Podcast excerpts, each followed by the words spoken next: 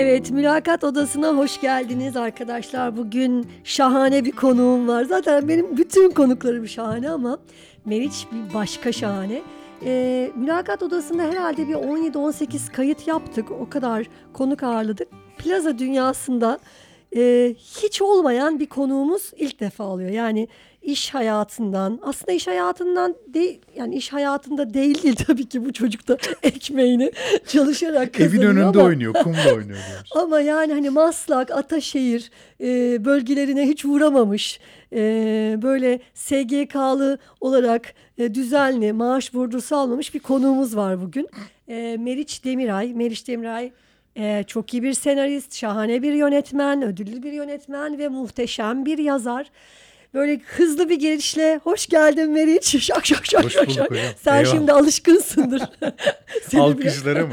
Hiç Tabii, tabii. bizim meslek öyle gibi görünüyor ama hiç seyirciyle karşı karşıya gelmeyiz biz aslında. Yani onu alkışlayacak olan insanları biz görmeyiz. Ya Tabii. o palyaço var ya hani. Evet palyaço. O ağlayan palyaço benim işte. Moda sokaklarında gezen. Hiç mi böyle yolda hani "Aa, o filmi de ben yazdım, onu da ben çektim falan. Ha tabii öyle şeyler oluyor canım. Yani birisi seni yaptığın bir şeyden dolayı görüp e, takdir edebiliyor. E, bizde genelde şey derler ama. Şimdi dizi senaristiyim deyince önce sorarlar ne iş yaptığını. Ben artık söylemiyorum zaten onu. E, ondan sonra ısrar ederler sinema televizyon olduğunu anlayınca. Aşama iki. Söylersin artık senarist olduğunu. Neyi yazdın? Üçüncü aşama. Dur bakalım. Bunu asla söylemek istemem mesela. Böyle debelenirim bunu söylememek için. Ama ısrarla sorar. Çünkü neden debeleniyorum biliyor musun? Dördüncü aşamada ne olacağını biliyorum. Dördüncü aşamada ne olacak biliyor musun? Şunu diyecek. Ben dizi izlemiyorum. Abi niye soruyorsun o zaman? Dördüncü aşama söylersin. Ben dizi izlemiyorum Çıkaramaz. zaten gelir. Yani o kadar ısrarın tamamı ben dizi izlemiyorum demek içindir aslında. ya tamam mı? belki de öyle değil. Belki şansını deniyor. Hani belki bildiği bir şey Ha çıkacak bildiği bir diye. şey çıkar mı falan. Ama bildiği bir şeylerin çıktığı zamanlar da oldu yani. Ha. Sonra aşama 5 o dizi izlemeyen kişi sana yarım saat izlediği Diziyi dizilerden anlatır. bahseder. Abi Ezel çok güzeldi be falan. Ve ben hiç dizi bilmiyorum. Yani ben 10 senedir doğru düzgün dizi izlemiyorum yani. Hani mesleki bir problem oldu. O benim bir eksiğim de yani aslında. İzlemiyorum ve bahsettiği dizilerin ne olduğuyla ilgili hiçbir fikrim yok ve konuşmak da istemiyorum. Dizi süreleri çok uzun olduğu için o bende böyle bir e, şey yarattı yani böyle bir rahatsızlık yarattı ve ne oturduğum masada konuşulmasından hoşlanırım. Ne Haklısın izlemekten aslında. hoşlanırım. Böyle bir uzaklaştırdı beni. Ama senin mesleğin biraz doktorluk gibi. Yani şimdi ben de oturduğumda bana diyorlar ki şöyle bir danışmanlık şirketi varmış ya da şu, yani bilmiyorum bin tane insan kaynakları firması var ne bileyim. Ya da bütün İK'cıları mesela tanıyabileceğimi hani uzmanından direktörüne hepsini tanıyacağımı varsayıyorlar. Piyasadaki bütün işlerin, iş fırsatlarından haberdar Bildiğini olduğumu. zannediyorlar? Öyle bir şey olabilir mi? Yani ancak kendi müşterininkini biliyorsun. Ya da herkese iş bulabileceğimi. Mesela şöyle şeyler geliyor. Böyle biri var. İngilizcesi yok. Üniversite terk.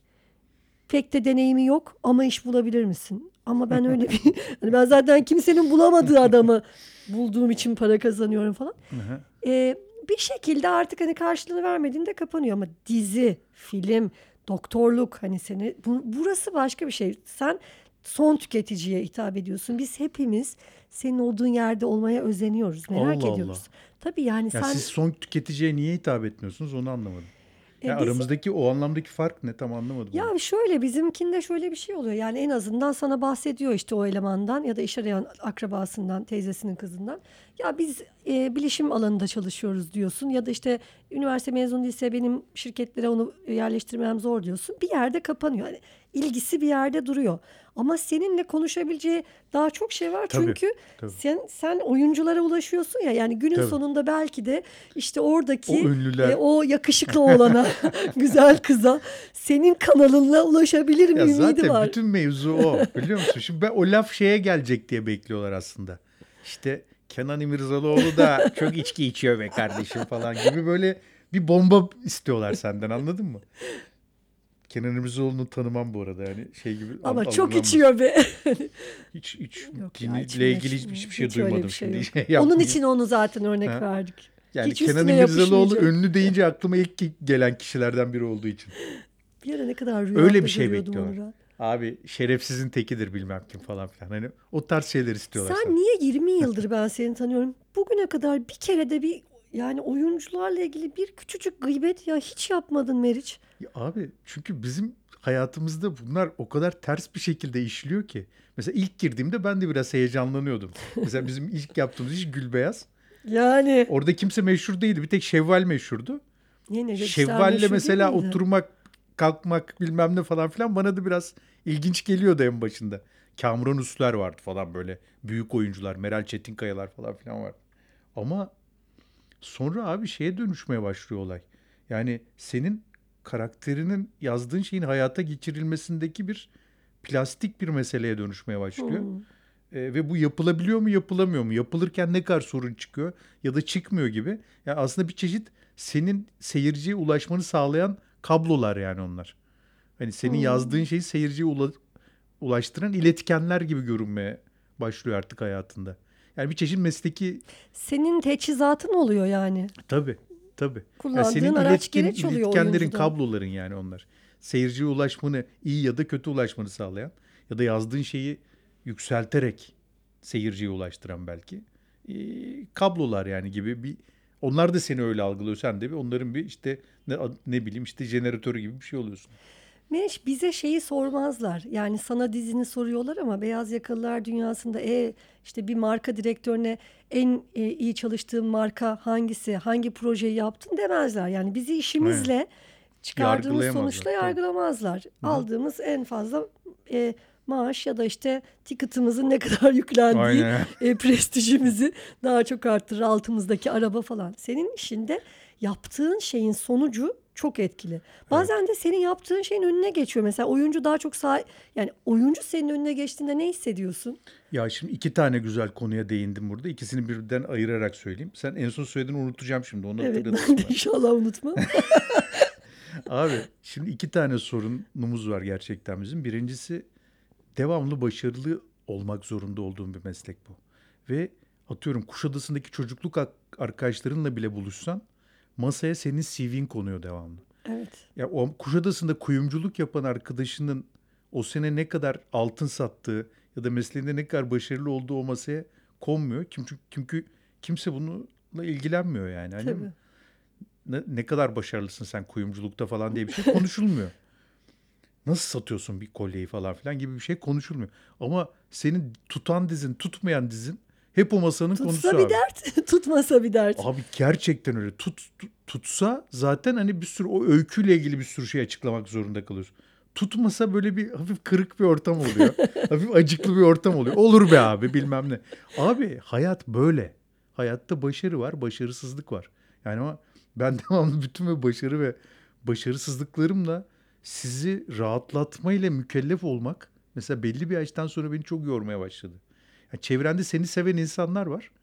Abi bir başarısızlık oluyor ki bizim meslekte bir başarısızlık değil, on başarısızlık Tabii. oluyor. Yani başarı ortalaması bence şu anda yüzde yirmilerde olan bir sektör. Şimdi devamlı ben bu başarısızlıkları insanlara açıklamak zorunda kalıyorum. En yakınından başlayarak eşin, işte baban, kayınvaliden yani. açılan bir çember. Hiç benim mesela hayatımda böyle bir şey olmuyor. Yani Hı. ben de işte Arçelik'e şunu yerleştiremedim. Bu pozisyonda işte başka bir firmayla kapattılar deme durumunda değilim. Yani Aynen Ama- senin şirket batırman lazım mesela Tabii, bu konuda yani. konuşmaları için insanların. Şirketi batırmadığın sürece Tabii. insanlar e, ya da iş ediyor diyor. değiştiriyor insanlar. Bunun Hı. için de böyle bir şeyle Ha, karşılaşmıyorlar. falan. Aynen. Sen diziyi bırakıp başka bir şeye projeye geçsen aslında aynı şey. Aha. Yani yeni bir şey deniyor oluyorsun ama İşte ben mesela yakın zamanda kırmızı kamyon yazıyordum. İşte paylaşıyordum onları falan filan. Yakında başlıyoruz bilmem ne. Şimdi iki hafta önce oradan bir ayrıldım. İki üç hafta önce. Abi şimdi oraya göre bir takım e, yapılandırmalar kurulmuş herkesin kafasında. Senin sen de dahil olmak üzere, senin çevren de dahil olmak üzere. Ve tüm bu katmanlara tek tek ve bu çemberin en dışında da arkadaşların var. Tek tek buradan niye ayrıldığını Abi ne oldu? Yolda mesela dün modada yürüyordum. En az 3 kişiye anlattım ya yolda. Abi ne oldu? Başlamıyor mu dizi? Abi başlıyor da işte biz bir problem yaşadık falan filan diyorsun. Ne yaşadınız? Hadi Açıklama bakalım. yetmiyor değil mi? Bir de ikna etmen gerekiyor. Yani ayrılmışsan da diziden mesela, çekilmişsen de onun doğru bir karar olduğunu ikna Tabii etmen bir de gerekiyor. şunu da ikna etmen gerekiyor. Sana iyice açık konuşayım. Bunun kendi senaristliğinden kaynaklanmadığını, Of. kendi beceriksizliğinden kaynaklanmadığını, senin dışındaki bazı unsurların bir de devamlı kendi reputasyonunu da ayakta tutmaya çalışman Tabii. lazım. Hayır, şunu demen lazım alt metinde. Ben çok iyi bir senaristim. Onlar beni tam anlayamadılar. Ya da onlar beni yanlış değerlendirdiler. Ya da dayanamadım falan. Hani biraz da bunun kendi inisiyatifinle olduğunu ima etmen falan. Bir sürü katmanları var yani. Meriç hani taksicilere deriz ya sizinki de zor iş be kardeşim. Hakikaten zor bir iş. Şimdi e, çok farklı bir konuksun benim için. Yani sene, dizi senaristisin, güzel filmlerin var, sinema filmlerin var. İki tane çok güzel kitabın var. Bir öykü kitabın, bir romanın. E, yazar kimliğinde de. Yani bizim için hakikaten çok e, merak edilen bir konuksun. Ama bir yandan da bazı dinleyicilerimiz için senin kariyer yolun onların işte hayal ettiği, gitmek istediği yol. Yani bazılarımız sırf o yolda karşılaştığın modalı komşularınız ama bazılarımız da senin yolunda gitmek isteyen kişileriz. Evet. O yüzden bize böyle bu kariyer yolculuğu biraz anlatsana. Nasıl, nerede, nerelerden geçtin, nereyi bitirdin, nasıl Kendiminkini başladın? mi anlatayım? Onlara Kendikini. tavsiye gibi Yok, değil değil yok, mi? Kendi kendikini hikayemi anlatayım. anlat. Şimdi ben e, Eskişehir Sinema Televizyonu bitirdim zaten 90'larda. 91-96 döneminde. Biz bir grup arkadaş olarak hep buraya geldik. Sinemacı olmak istiyorduk. Ve şey eksikliğini tespit ettik. Ve doğru da tespit etmişiz. Yani iyi senaryo yazılmıyor Türkiye'de. Ve gerçekten sinema bir dönüm noktasında o zaman. Hani Yavuz Özkanların, Ali Özgen Türklerin bitip hani Masumiyet diye bir filmin çıkması, işte Eşkıya diye bir filmin çıkması, Ağır Roman'ın çıkması sinema tecimsel olarak, ticari olarak belli bir yere doğru gidiyor. Yeni bir dönem başlıyor. Ama bunu tam karşılayacak olan yeni öykücüler, yeni senaristler yok. Gibi bir tespit çok doğru bir Güzel. tespit bence. Ve bu tespit üzerine biz bu işi öğrenmeye karar verdik ve gerçekten hani Türkiye'de o anda bilinmeyen bazı yabancı kaynaklara ulaştık. Şimdi Zitfield dediğimiz e, hatta çok işte en iyi kitap şimdi 4-5-6 ay önce basıldı Zitfield'ın. Onu tavsiye ederim senaristler için. Bu işi bayağı yapısal olarak öğrendik biz. Ve gerçekten de çok erken yaşta ilk dizimizde bir anda birinci olduk ve e, yani o ana senaristler arasına girme Bu bir teknik şansımız işi oldu. yani değil mi? Yani tekniğini öğrendiğimiz için bir anda öne çıktık Hmm. aslına bakarsan. Yani kişisel yetenekleri bir kenara koyuyorum. Tabii ki hepimizin vardır kişisel yetenekleri ama işin yapısal tarafını öğrenip işin mekaniğini, iskeletini öğrendiğin anda bir anda e, bir sürü insanın önüne geçiyorsun. Çünkü Türkiye'de gerçekten senaristliği şey zannediyorlar. Bir yetenek meselesi Evet, evet. zannediyorlar. Bir üçüncü dünya ülkesi olduğu için burası birçok şey olduğu gibi bu işin bir çalışma, disiplin, ondan sonra Ağır işçilik gerektiren. gerektiren bir şey olduğunu, özveri gerektiren bir şey olduğunu e, kafalarının arkasına atıp işi daha romantik bir şey gibi algılama eğilimi var. İşte Bukowski gibi yani gece Hmm. 3'te 4'te kalkıp işte bir yandan içkini içerken gelen ilham perileriyle bilmem ne falan. Yok öyle bir şey. Ben yıllardır yani 20 yıldan fazladır seninle arkadaşız. E, Ve benim hani sen de görmesem düşüneceğim şey bu olurdu ama ben bir bakıyorum saat yedi buçukta sen çevrim içisin her sabah Tabii. masanın başındasın Tabii. planlı bir şekilde çalışıyorsun asla spontan buluşamıyoruz hep Tabii. bir program dahilinde görüşebiliyoruz yani gerçekten çok planlı programlı yap- yapılabil yapabildiğin için başardığını düşünüyorum aslında. Ya evet yani şey yani başarı çok şey bir kavram hani e, ne derler ona? Sürdürülebilirlik anlamında Evet, evet. kullanıyorum. Mesela Zaten şu başarılı başarıysa olduğunu başarı mesela. düşünüyorum ama bir de sürdür yani 20 yıldır bu işten geçiniyor olmak. Evet abi bu mesela başarı. Evet. Hani başarı buna diyebiliriz çünkü mesela 20 sene gerçekten sadece senaristlik yaparak para kazanan 10 kişi ya vardır tabii. ya yoktur. Hani o anlamda başarı dersen Tabii. eyvallah ama diğer anlamda başarı çok su götürür. Hani bir sürü şeyi de yapamadım aslında falan filan. Ama dediğin gibi mesela ben erken kalkmayı keşfettim. Özellikle evlendikten sonra, çocuk olduktan sonra erken kalkma diye harika bir şey keşfettim Doğru. abi. Saat 6'da, 5'te, 6'da, 7'de kalktın mı öğlen 12'ye kadar bütün işlerini bitiriyorsun. Ondan sonrası tatil. Yani öğlene kadar bütün programını yapıp günlük programını bilmem neyini görüşmeler çünkü o telefon 11'de çalmaya başlıyor. Eşin dostun 11'de 12'de 1'de aramaya başlıyor. Hayatın gailesine geçiyorsun. Senaristlikte biraz yalnızlık durumu da var ya yazarlıkta. Yani o yalnızlık, tamamen yazdığına odaklanma ve iş bitirme, kafa bomboşken böyle bebek gibi tertemizken kahveni koyup böyle aç karnına bir yazmaya başladın mı öğlene kadar bütün işler bitiyor. Ha, Bu, arada şeyi anlatmadım. liderlerde zaten ortak özelliklerden biri spor, sabah erken kalkmak gibi. Ee, yani seninkini iş hayatının dışında tutamayız. 20 küsür senedir bu işle geçinen, bu işle hayatını sürdüren biri olarak e, teknik ve disiplinle sağlıyorsun bunu. Evet. Ve yani şey, bu e, bir tavsiye de e, kesinlikle, içeriyor aynı kesinlikle. zamanda. Kesinlikle. Yani sanat işi çok su götürür bir iş olduğu için eee, çok ciddi şekilde altta teknikle, yapısal bir anlayışla, bilimiyle, işin bilim tarafıyla desteklenmesi gerektiğini düşünüyorum ben. Daha doğrusu çok küçümsendiği için devamlı bu- buna vurgu yapma ihtiyacı hissediyorum. Yani yaptığım derslerde de işte Bahçeşehir'de mesela ders anlattım son 4-5 senedir. Hep buna vurgu yapıyorum abi. Bu e, kağıdı kalemi aldım başladım denecek bir iş değil. Öğrenin. Öğrenmek bu kadar da zor. Atla deve değil yani. 3-5 ayda mesela senaristliğin temel bütün kurallarını öğrenirsiniz. İş ki hani bunun peşinde olun. Bunu arayın. Ve onu bir disiplin haline getirebilin. Tabii. Biz sa- sana demin bir şey sordum unutacağız dedik ya. Unuttuk onu farkında mısın? Evet ya ben de unuttuk onu, onu. soruyu Neydi da o? unuttum. işte Ya bir unutma problemi oluşmaya başladı bende ve bu pandemiyle ilgili de bir şey sanırım ve çok tedirgin hayır, olmaya başladım. yani her şeyimi not alacağız unutmamak için o da mümkün değil ki. Peki tamam. Ee, keşfettin, tekniği keşfettiniz. O tekniği keşfedince yaptığınız işler hemen tuttu Türkiye'de dizi senaristliğinde ve sen zaten hep güzel işlerde yaptın. Ee, kariyer yolculuğun dizi senaristliğiyle başladı. Ben şunu merak ediyorum. Bizim dünyamıza da uyarlayacak olursak. İlk yani sen mesela kiminle iş görüşmesi yapıyorsun? Seni kim o projeye dahil ediyor? Senin iş görüşmen nasıl oluyor? Sana ne soruluyor? Hatırlıyor musun bunları? İlk başlangıcımı mı anlatayım yoksa Yani hatırlıyorsan ilk hikayeni de anlat Çünkü ama benim sonrasındaki sistem yani iş, ilk işi tutturduktan sonra farklı bir dünyaya giriyorsun o zaman ama ilkini anlat önce. ilk ya ilk nasıl önce, başladığımı evet. tutturmadan önceki kısmı anlatayım.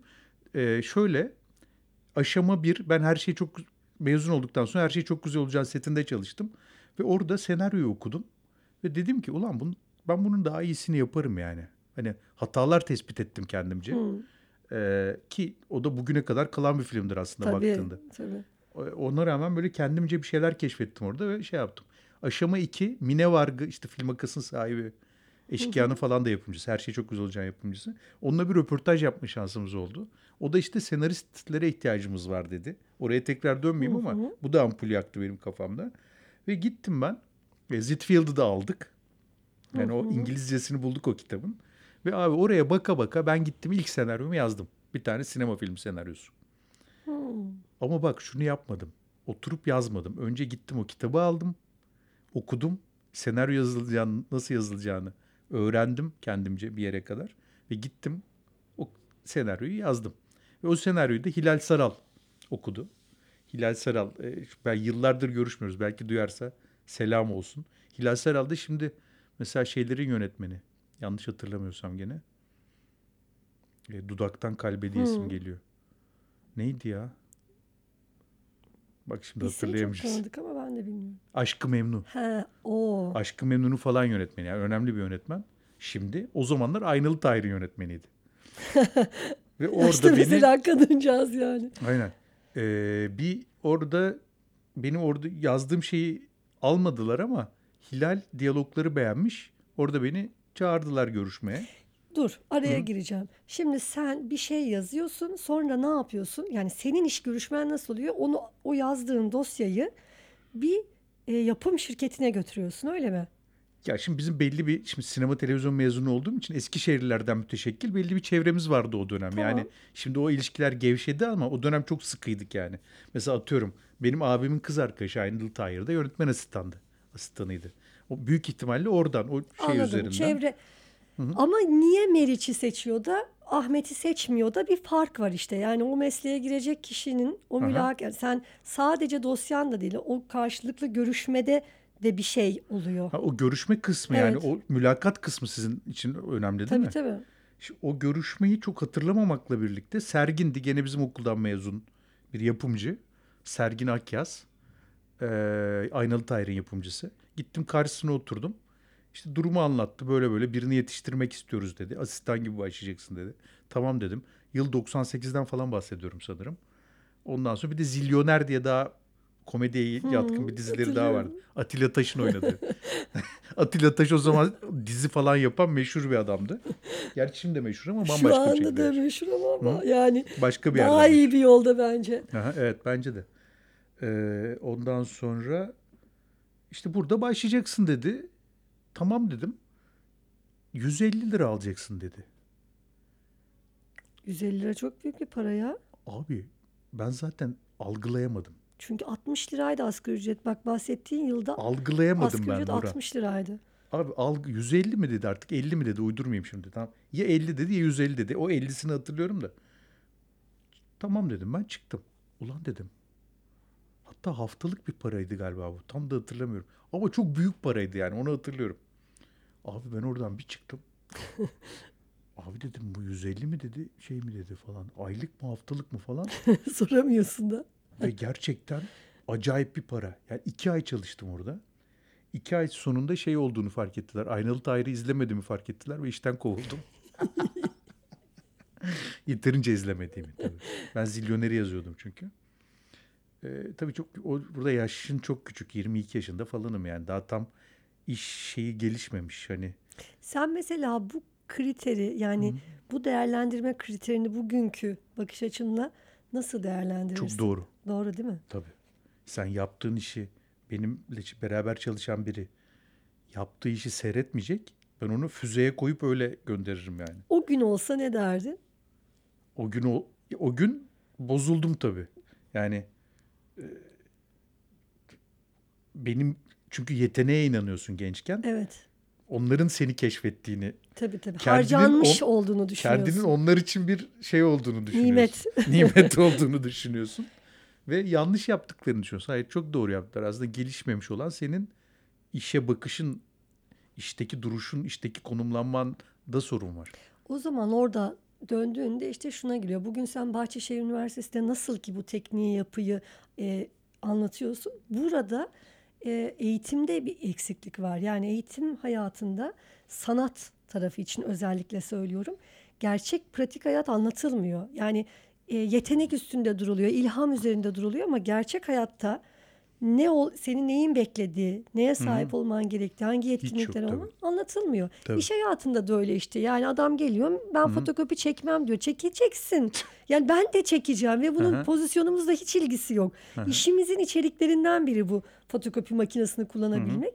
Onlar anlatılmıyor ve gerçeklikten koptuğumuz için büyük kazalar oluyor. Tabii. Ee, yani çok yeteneklerde evet bu arada e, gerekli teknikten haberdar olmadıkları için eleniyorlar. Sistemin dışına çıkıyorlar, küsüyorlar falan. İstikrarsız bir şeye gidiyorlar. Tabii. Ya olayı algılayışlarındaki çok büyük hatalar. Şimdi mesela bir arkadaşın dersine konuk oldum geçen gün Zoom'dan. Hep bana sorulan soru fikstir. Muhtemelen hani üç kişi de bunu merak edip dinleyecekse bu yüzden dinliyordur. Şu, senarist olmak için ne yapmalıyız, kimle görüşmeliyiz olayı. Tamam mı? Şimdi bu senin programa dahil değil mi bu Evet, konu? tabii tabii. Şimdi dedim ki ya abi tamam yani mesela ben edebiyat dünyasına girmeye karar verdim 6-7 sene önce. Birkaç şey yaptım. Bunlardan birincisi kendi dosyamı çeşitli bir sürü yayın evine gönderdim. Aşama bir. Mesela bu bir seçenek. Bir sürü yapım şirketi var. Senaryonu gönderirsin. Evet. İki, bu adamlardan randevu almaya çalışabilirsin. Üç, bir tanıdık bulursun. Yani şey sistemi var ya dünyada birine ulaşmanın en fazla beş kişilik bir Tabii, yolu var. tabii. Olayından ulaşır şey yaparsın. Yani bunun biçimleri var ama büyük bir ama koyuyorum şimdi buraya. Sorun bu değil ki. Sen elindeki malı yeterince revize ettin mi? Sen nasıl bir malla gidiyorsun? Nasıl bir ihtiyaca cevap verme üzerine bir tespit yaptın? Güzel mi o mal? Belli bir seviyenin üstünde mi? Yani sen 10 kişiyi gezersin ama iyi senaryo yazmak denilen şey bir kere. Kendi işini iyi yapmak, iyi mal çıkarmak bir kere öncesinde öğrenmen lazım. Yoksa insanların boşu boşuna e, vaktini alırsın. Kendi vaktini de harcarsın. Yani işte şey diyorlar. Piyasada işte şey çok önemliymiş. İşte şey ilişkileri. Tanıdıklık mı? Ahbap çavuş ilişkileri çok önemliymiş abi. Yani kendilerine daha girmeden böyle bir ket vuruyorlar tamam mı? Ahbap çavuş ilişkileri bilmem neymiş giremeyiz abi falan. Ya bir şey yapmamak için bahane bulacaksan da kimsenin zamanını harcama. Bu işi yapan yapıyor. Tabii Tamam mı? tabii. Şimdi birincisi kısmı bu. İkinci kısım da şu abi. Şimdi kötü bir 10 seneden geçtik biz dizi sektörü olarak. Televizyon sektörü olarak. Yani 5 tane kanalda 5 tane dizi. Hepsi 150'şer dakika. Berbat derecede hikayelerin hikaye seviyesinin aşağı düştüğü, senarist kalitesinin aşağı düştüğü, yapım kalitesini, yapımcı kalitesini hatta yönetmen kalitesinin de aşağı düştüğü, kendi insanını e, üreten bir kalitesizliğe doğru gitti son 10 sene. Ve hepimiz için zordu. Her şeyle beraber. Evet her şeyle beraber. Hepimiz için zordu ama şimdi bir devrim başlıyor. Mesela başlayacak olan arkadaşların bunu görmesi lazım. Şu an bir devrim başladı hatta. Kimse farkında değil. Bu da platformlarla çıkan Evet. devrim. Şu an Çok iyi içerikler var şu anda. evet şu an kamera bulunamıyor sektörde. Yani çekim için kamera bulunamıyor. Yani 10-15 sene önceki o güzel zamanlara geri döndük. Yani insanların çok özgün içerikler yapabilecekleri, çok güzel işler çıkarılacak çıkaracakları bir 10 seneye giriyoruz şu an. Maliyetler azaldı, ekipler küçüldü ve bu bir özgürleşme getirecek. Mesela Bir Başkadır dizisi bunun ilk Evet. örneklerinden biri. Bir Başkadır'ı bir sene önce Türkiye'de hayal edemezdiniz. Öyle bir dizinin Türkiye'de yayınlanabileceği, o seviyede bir işin yayınlanabileceği. Şimdi o yüzden genç arkadaşların öncelikle kendilerine bakmasını ben değerli buluyorum. Kendini geliştirmek. Okuyor musun? İzliyor musun? Senaristliğin ABC'siyle ilgili çalışıyor musun? İnsanlarla ilişki kuruyor musun? Bu işi yapan insanların videolarını bilmem nelerini izliyor musun? Ne kadar mesai harcıyorsun? Birinci kısmı bu. İkinci kısmı çıkaracağım mal. Yani nasıl bir ortama giriyoruz? Sende ne var? Bana anlatacağın hikaye ne? Hikaye ne kadar ilginç, ne kadar güzel ve ne kadar gerçek sorularının üstüne senaryo bilginle nasıl bir mal ortaya çıkarıyorsun? Tam bu gerçek kısmında lafını keseceğim Meriç. Çünkü şöyle bir şey var. Benim mesleğim gereği danışmanlık verdiğim her e, firmada, her sektörde, her pozisyonda iş ölçülebilir. Hep bunu e, iddia ederim. Yani sekreterin de işte CEO'nun da performansı ölçülebilir. Gerçekten mi? Evet ölçülebilir. Doğru kriterler, Hı hı. doğru bir e, kriter belirlenirse ondan ne bekleyeceğini e, baştan tarif edeceksin ve neyi onu sana verip vermediğini de ölçebileceğin kriterler var. Yani sistemi bir izlemen gerekiyor. Biz buna yetkinlik diyoruz. Aslında buna demiyoruz da o işi yapabilir mi? Keşke bizde de olsa bu. Çok Şimdi özendim yani. şuna. aslında ben bunun her şeyde olabileceğini düşünüyorum. Neden biliyor musun? Yani nasıl ki sen ilhama e, ilham yüzde elli ise yüzde elli yapıyı koyuyorsun. O zaman ne oluyor? En az yüzde elli ölçülebilir hale geliyor Tabii. yaptığın iş. Bravo. Tabii. E, şimdi bu e, hikayede yani ben bir dizi senaristi seçecek olsam mülakatçı olarak neye bakardım diye düşündüğümde senin anlattıklarını hani yetkinliğe çevirecek olsam bunun bir tanesi şu oluyor. E, öğrenmeye açıklık. Hı hı. Yani yurt dışını takip edecek olanı biteni merak, Aynen. açıklık bir yetkinlik. E, Dramatik yapı bilgisi. teknik bilgi, teknik yeterlilik okey bunları. Yalnız bir şeyler daha olmalı ve onların adını koymadıkça zaman kaybetmeye devam ediyoruz gibi geliyor. Mesela planlama ve organizasyon da senin işinde bir yetkinlik. Tabii. Yani e, zaman yönetimi çünkü her haftaya Kesinlikle. e, yani bu ölçülebilir. Şimdi bir tanesi ya- yani zamanını yönetemeyen bir tane de zamanını yöneten senarist var. Ben bunu ayırt edebilirsem mülakatta Hı hı. üretim ürettiği şeyden bağımsız olarak bunu da ölçebilirsem o zamanı yöneteni tercih etmeliyim aslında. Çünkü daha hızlı üretecek bana, daha etkili üretim yapacak. Ee, gerçekte durdum, gerçeklikte durdum çünkü gerçeklik eksik kalıyor. Yani gerçeklik belki de şu son 10 yılın en Dramanın temel içindeki gerçekliği Evet. diyorsun. Tabii. yani e, burası da böyle kalsın. Hani bir yere bağlanamayan senaryolar, işte gerçeklikten kopuk. Ya tabii ki hani gerçeküstü bir şey de yapabilirsin ama gerçek hayatın içinden bir şey anlatırken Kesinlikle. de onu ortada böyle hani süpürüp süpürüp kenarda bırakamazsın yani ya onu kaldıracaksın ya da bu kadar dağıtmayacaksın. Onun da e, şey olduğuna dair bir fikrim var. Sen katılır mısın? Alınan eğitimde e, edebiyat var belki sizin eğitimlerinizde. Film işte filme dair, e, fotoğrafa dair bir sürü şey var ama hayatın temel bilimlerinden mesela matematiğe dair, ekonomiye dair eğitim alıyor musunuz? Öyle bir şey var mı? Yani biz sinema televizyon olarak alıyoruz. Bizim okulumuz 5 senelik zaten. Hı. E, bütün bu saydığın alanlar sos yani ekonomisinden Ol- bilmem mı? nesine tabii bütün o temel dersleri alıyoruz biz. Ondan sonra branşlaşıyoruz. İkinci sınıftan sonra branşlaşıyoruz. Bunu mu sordun? Yani şunu merak ediyorum. Onu nasıl ölçebilirim ben?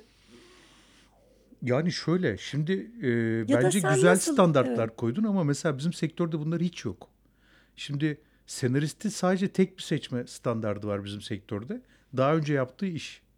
Hep referans yani, hep portfolyosu. Tabii ve e, belki de o işte sen aslında belki de karar verici değildin. Tabii. Belki sen o işe 15. bölümde girdin. Hiç kimsenin umurunda değil. Yani tutmuş bir işin içinde bulunduysan senin atın hızlı gidiyor.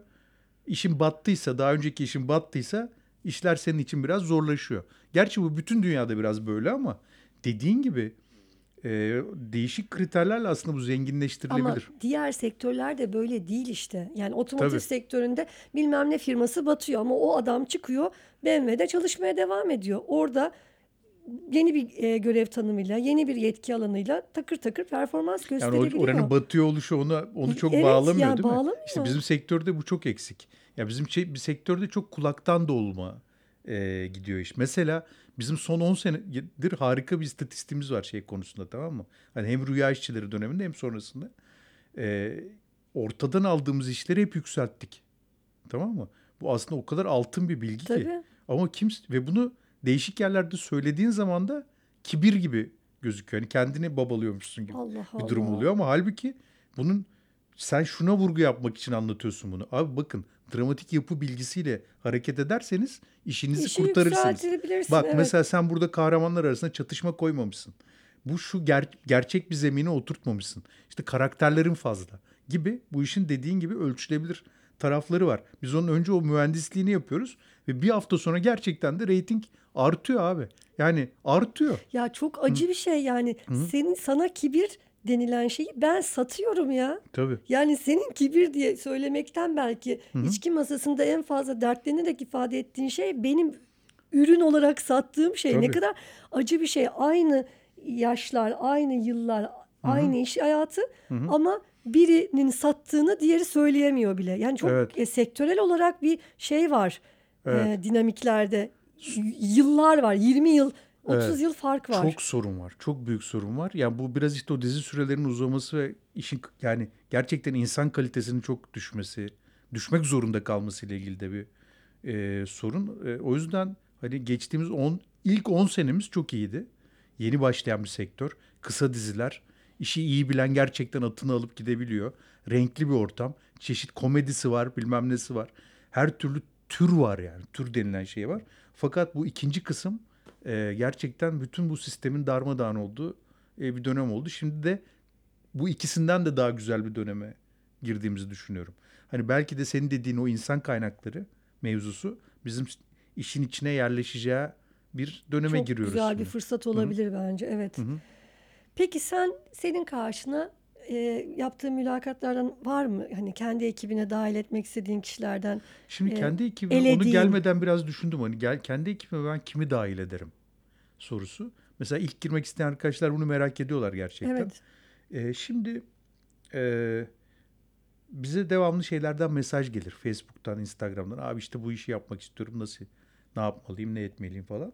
İşte gel benimle başla demeni e, bekler. Şimdi bu mümkün değil. Ben kimseyle, yani bu biraz beraber yatıp kalkma meselesi. Kimseyi hayatımın içine o kadar hızlı bir şekilde e, sokamam. Yani gerçekten hani bir yerden sonra eşofmanla çalışmaya dönüyor iş. Mesela biz rüya işçileri döneminde çalıştığımız yere Efsane eşofmanla doğru. giderdik. Hani bayağı pijama ile gitmek gibi bir yere doğru geliyor olay. Hani o kadar gece gündüz çalışıyorsun ki haftalık dizi yetiştiriyorsan gerçekten hani biraz bir bir çeşit evliliğe dönüşmeye başlıyor. Ben seni oraya o kadar ha gel birader başla burada. Hani öğrenirsin falan olamıyor. diyemem. Peki kime derim bunu? Bir kere e, o eğitimi almış mı bir kere ona bakarım. Birinci kriter o. Yani almayan da yapıyor. Almayanla da çalıştım. E, ama bir o eğitimi almış olması benim için bir kriter. O eğitimi ilerletmiş olması bir kriter. Yani lis- lisans mı deniyordu hı. şey? O- o- Sonraki aşamaları geçmesi bir karakter. Şey pardon kriter. Ondan sonra e, üçüncü ama üçüncüsü ve en önemlisi yazdığı şeyi görmem lazım. Yani Ürünle seçiyorsun. Tabii yani nasıl yazıyor, ne yapıyor, ne ediyor ya da daha önce ne yapmışa biraz bakarım. Hani o çünkü orada ekibin içinde oldukları için o özellikle yolun başındalarsa çok anlaşılmıyor ama yazdığı şey beni bana ne demiş. Ama altın önerim şu e, yeni başlayan arkadaşlara. Bunların hepsinin ötesinde şunu tavsiye ederim. Mesela Meriç X dizisini mi yazıyor? Meriç Kırmızı Kamyonu yazıyor mesela. Hemen o Kırmızı Kamyon'un bir bölümünü izleyip sonraki bölümü yazıyormuş gibi bir 10 sayfa yazmaları. Hmm, çok güzel bir tavsiye. Aynen. Çok yani ona iyi. bir diyalog yazmaları. Mesela biz gerçekten çalışacak senarist, Çok güzel. senarist bir o kadar çok her taraf senarist dolu ama bir o kadar da bulamıyoruz. Yani bunun bir şekilde gene sizin insan kaynaklarında bunun karşılığı vardır. Yani ben senarist bulamıyorum çalışacak ama bir yandan da acayip bir senarist var dolu ortalık falan. Yani şunu bilsem alırım mesela çalışırım. Seninle aynı yöne bakıyor mu? Abi benzer- üstümden yük Evet, alacağını tabii. bilsem ben halayla alırım yani. Hani çok mutlu olurum. Anladım. Ve bu çok parasını da veririm yani. Hani az buz da değil bayağı para veririm yani anladın mı? Duydunuz mu arkadaşlar? Yani o an ama haftalık bir dizi yazıyorsan senaristin parası iyidir. Tamam mı? Ha, çünkü atıyorum bir sene yazarsın, üç sene yazmazsın. Hani o bir sene seni üç sene götürüyor gibi bir durumu vardır yani. O yüzden haftalık işlerde eğer yük alabiliyorsan mesela atıyorum diyaloğun 20 sayfasını yazabiliyorsan o, o parayı sana verirler zaten yani. Güzel. O yüzden kendini diyalogçu ya da öykücü gibi konumlandırıp kendi kafanda ben diyalogçu muyum, öykücü müyüm diye böyle bir stratejik bir karar alıp atıyorum arka sokaklara Ozan'a arka sokakları senaristi Ozan Yurdakul'a bir arka sokaklar bölümü gönder. Yani öyküsü gönder. Şöyle bir öykü yaptım da giriş giriş. Ama iyi yap. Olan işten referans Olan alarak. işin yeni bölümünü yap. Çok Bunun güzel. bir adı var da unuttum şimdi. Şimdi yaşama iştahı denilen bir şey var. Buna inanıyorum ben Nuran. Bu bazı insanlarda var. Mesela sende de var. Ama mesela atıyorum insanların yüzde onunda var bu. Yani kimi insan hayatta ne oluyor? İnsanlar neden böyle? Ben niye böyleyim? Bir şeylerin yetmediği insanlar. Yaşam coşkusuyla devamlı bir şeyleri arayan, koparan, ilgilenen, merak eden ve bu duygu içinde yaşayan bir insan tipi var. Doğru. Senarist böyle olmalı. Evet. Yani evinde oturayım ondan sonra ulan aman abi kimse bana dokunmasın bilmem ne olmasın diyen bir insan tipi de var. Aşağılamıyorum. Belki de o bir çeşit tekamül. Tamam o mesleklerin o o, Ha, o mes- e, başka tipi meslek yap. bazı meslekler kabul ediyor zaten. Hı. Ona uygun meslekler var. Yani bir sürü öyle Aynen. olmayı gerektiren meslekler Tabii, var. Ama tabii. işte dediğin gibi Hı hı. e, yaratıcılık, senaryo yani o öyle bir meslek değil. O Ve bu biraz kendinle Evet. boğuşman gerektiren. tabii. hayatla boğuşmanı gerektiren. Mesela e, hayatta bizim sorgulamadığımız o kadar çok temel kavram var ki. Mesela çok zaman işte aile kurumunu değerlendiriyoruz. Şimdi aile kurumunu sen kafanda eleştirel olarak belli bir noktada tartışmadığın müddetçe aslında sinemada, hani dizi demiyorum ama sinemada bir şey söyleyebilmenin, insanlara yeni bir şey söyleyebilmenin çok mümkünatı yok. Tabii. Ya bu temel kavramları hayatında bir masaya yatırmadıysan, sorgu alanına çekmediysen aslında bu tam olarak senin işin olmayabilir derim. E, Meriç iyi ki geldin hayatım. Eyvallah sağ ol. E, bir ders niteliğinde oldu bugün seninle mülakat odası. Eyvallah, Genç sağ ol, arkadaşlarımız için. Dağılabiliriz arkadaşlar. Böyle zengin kalkışı yaptık. Hadi Görüşürüz. sağ olasın. Görüşürüz.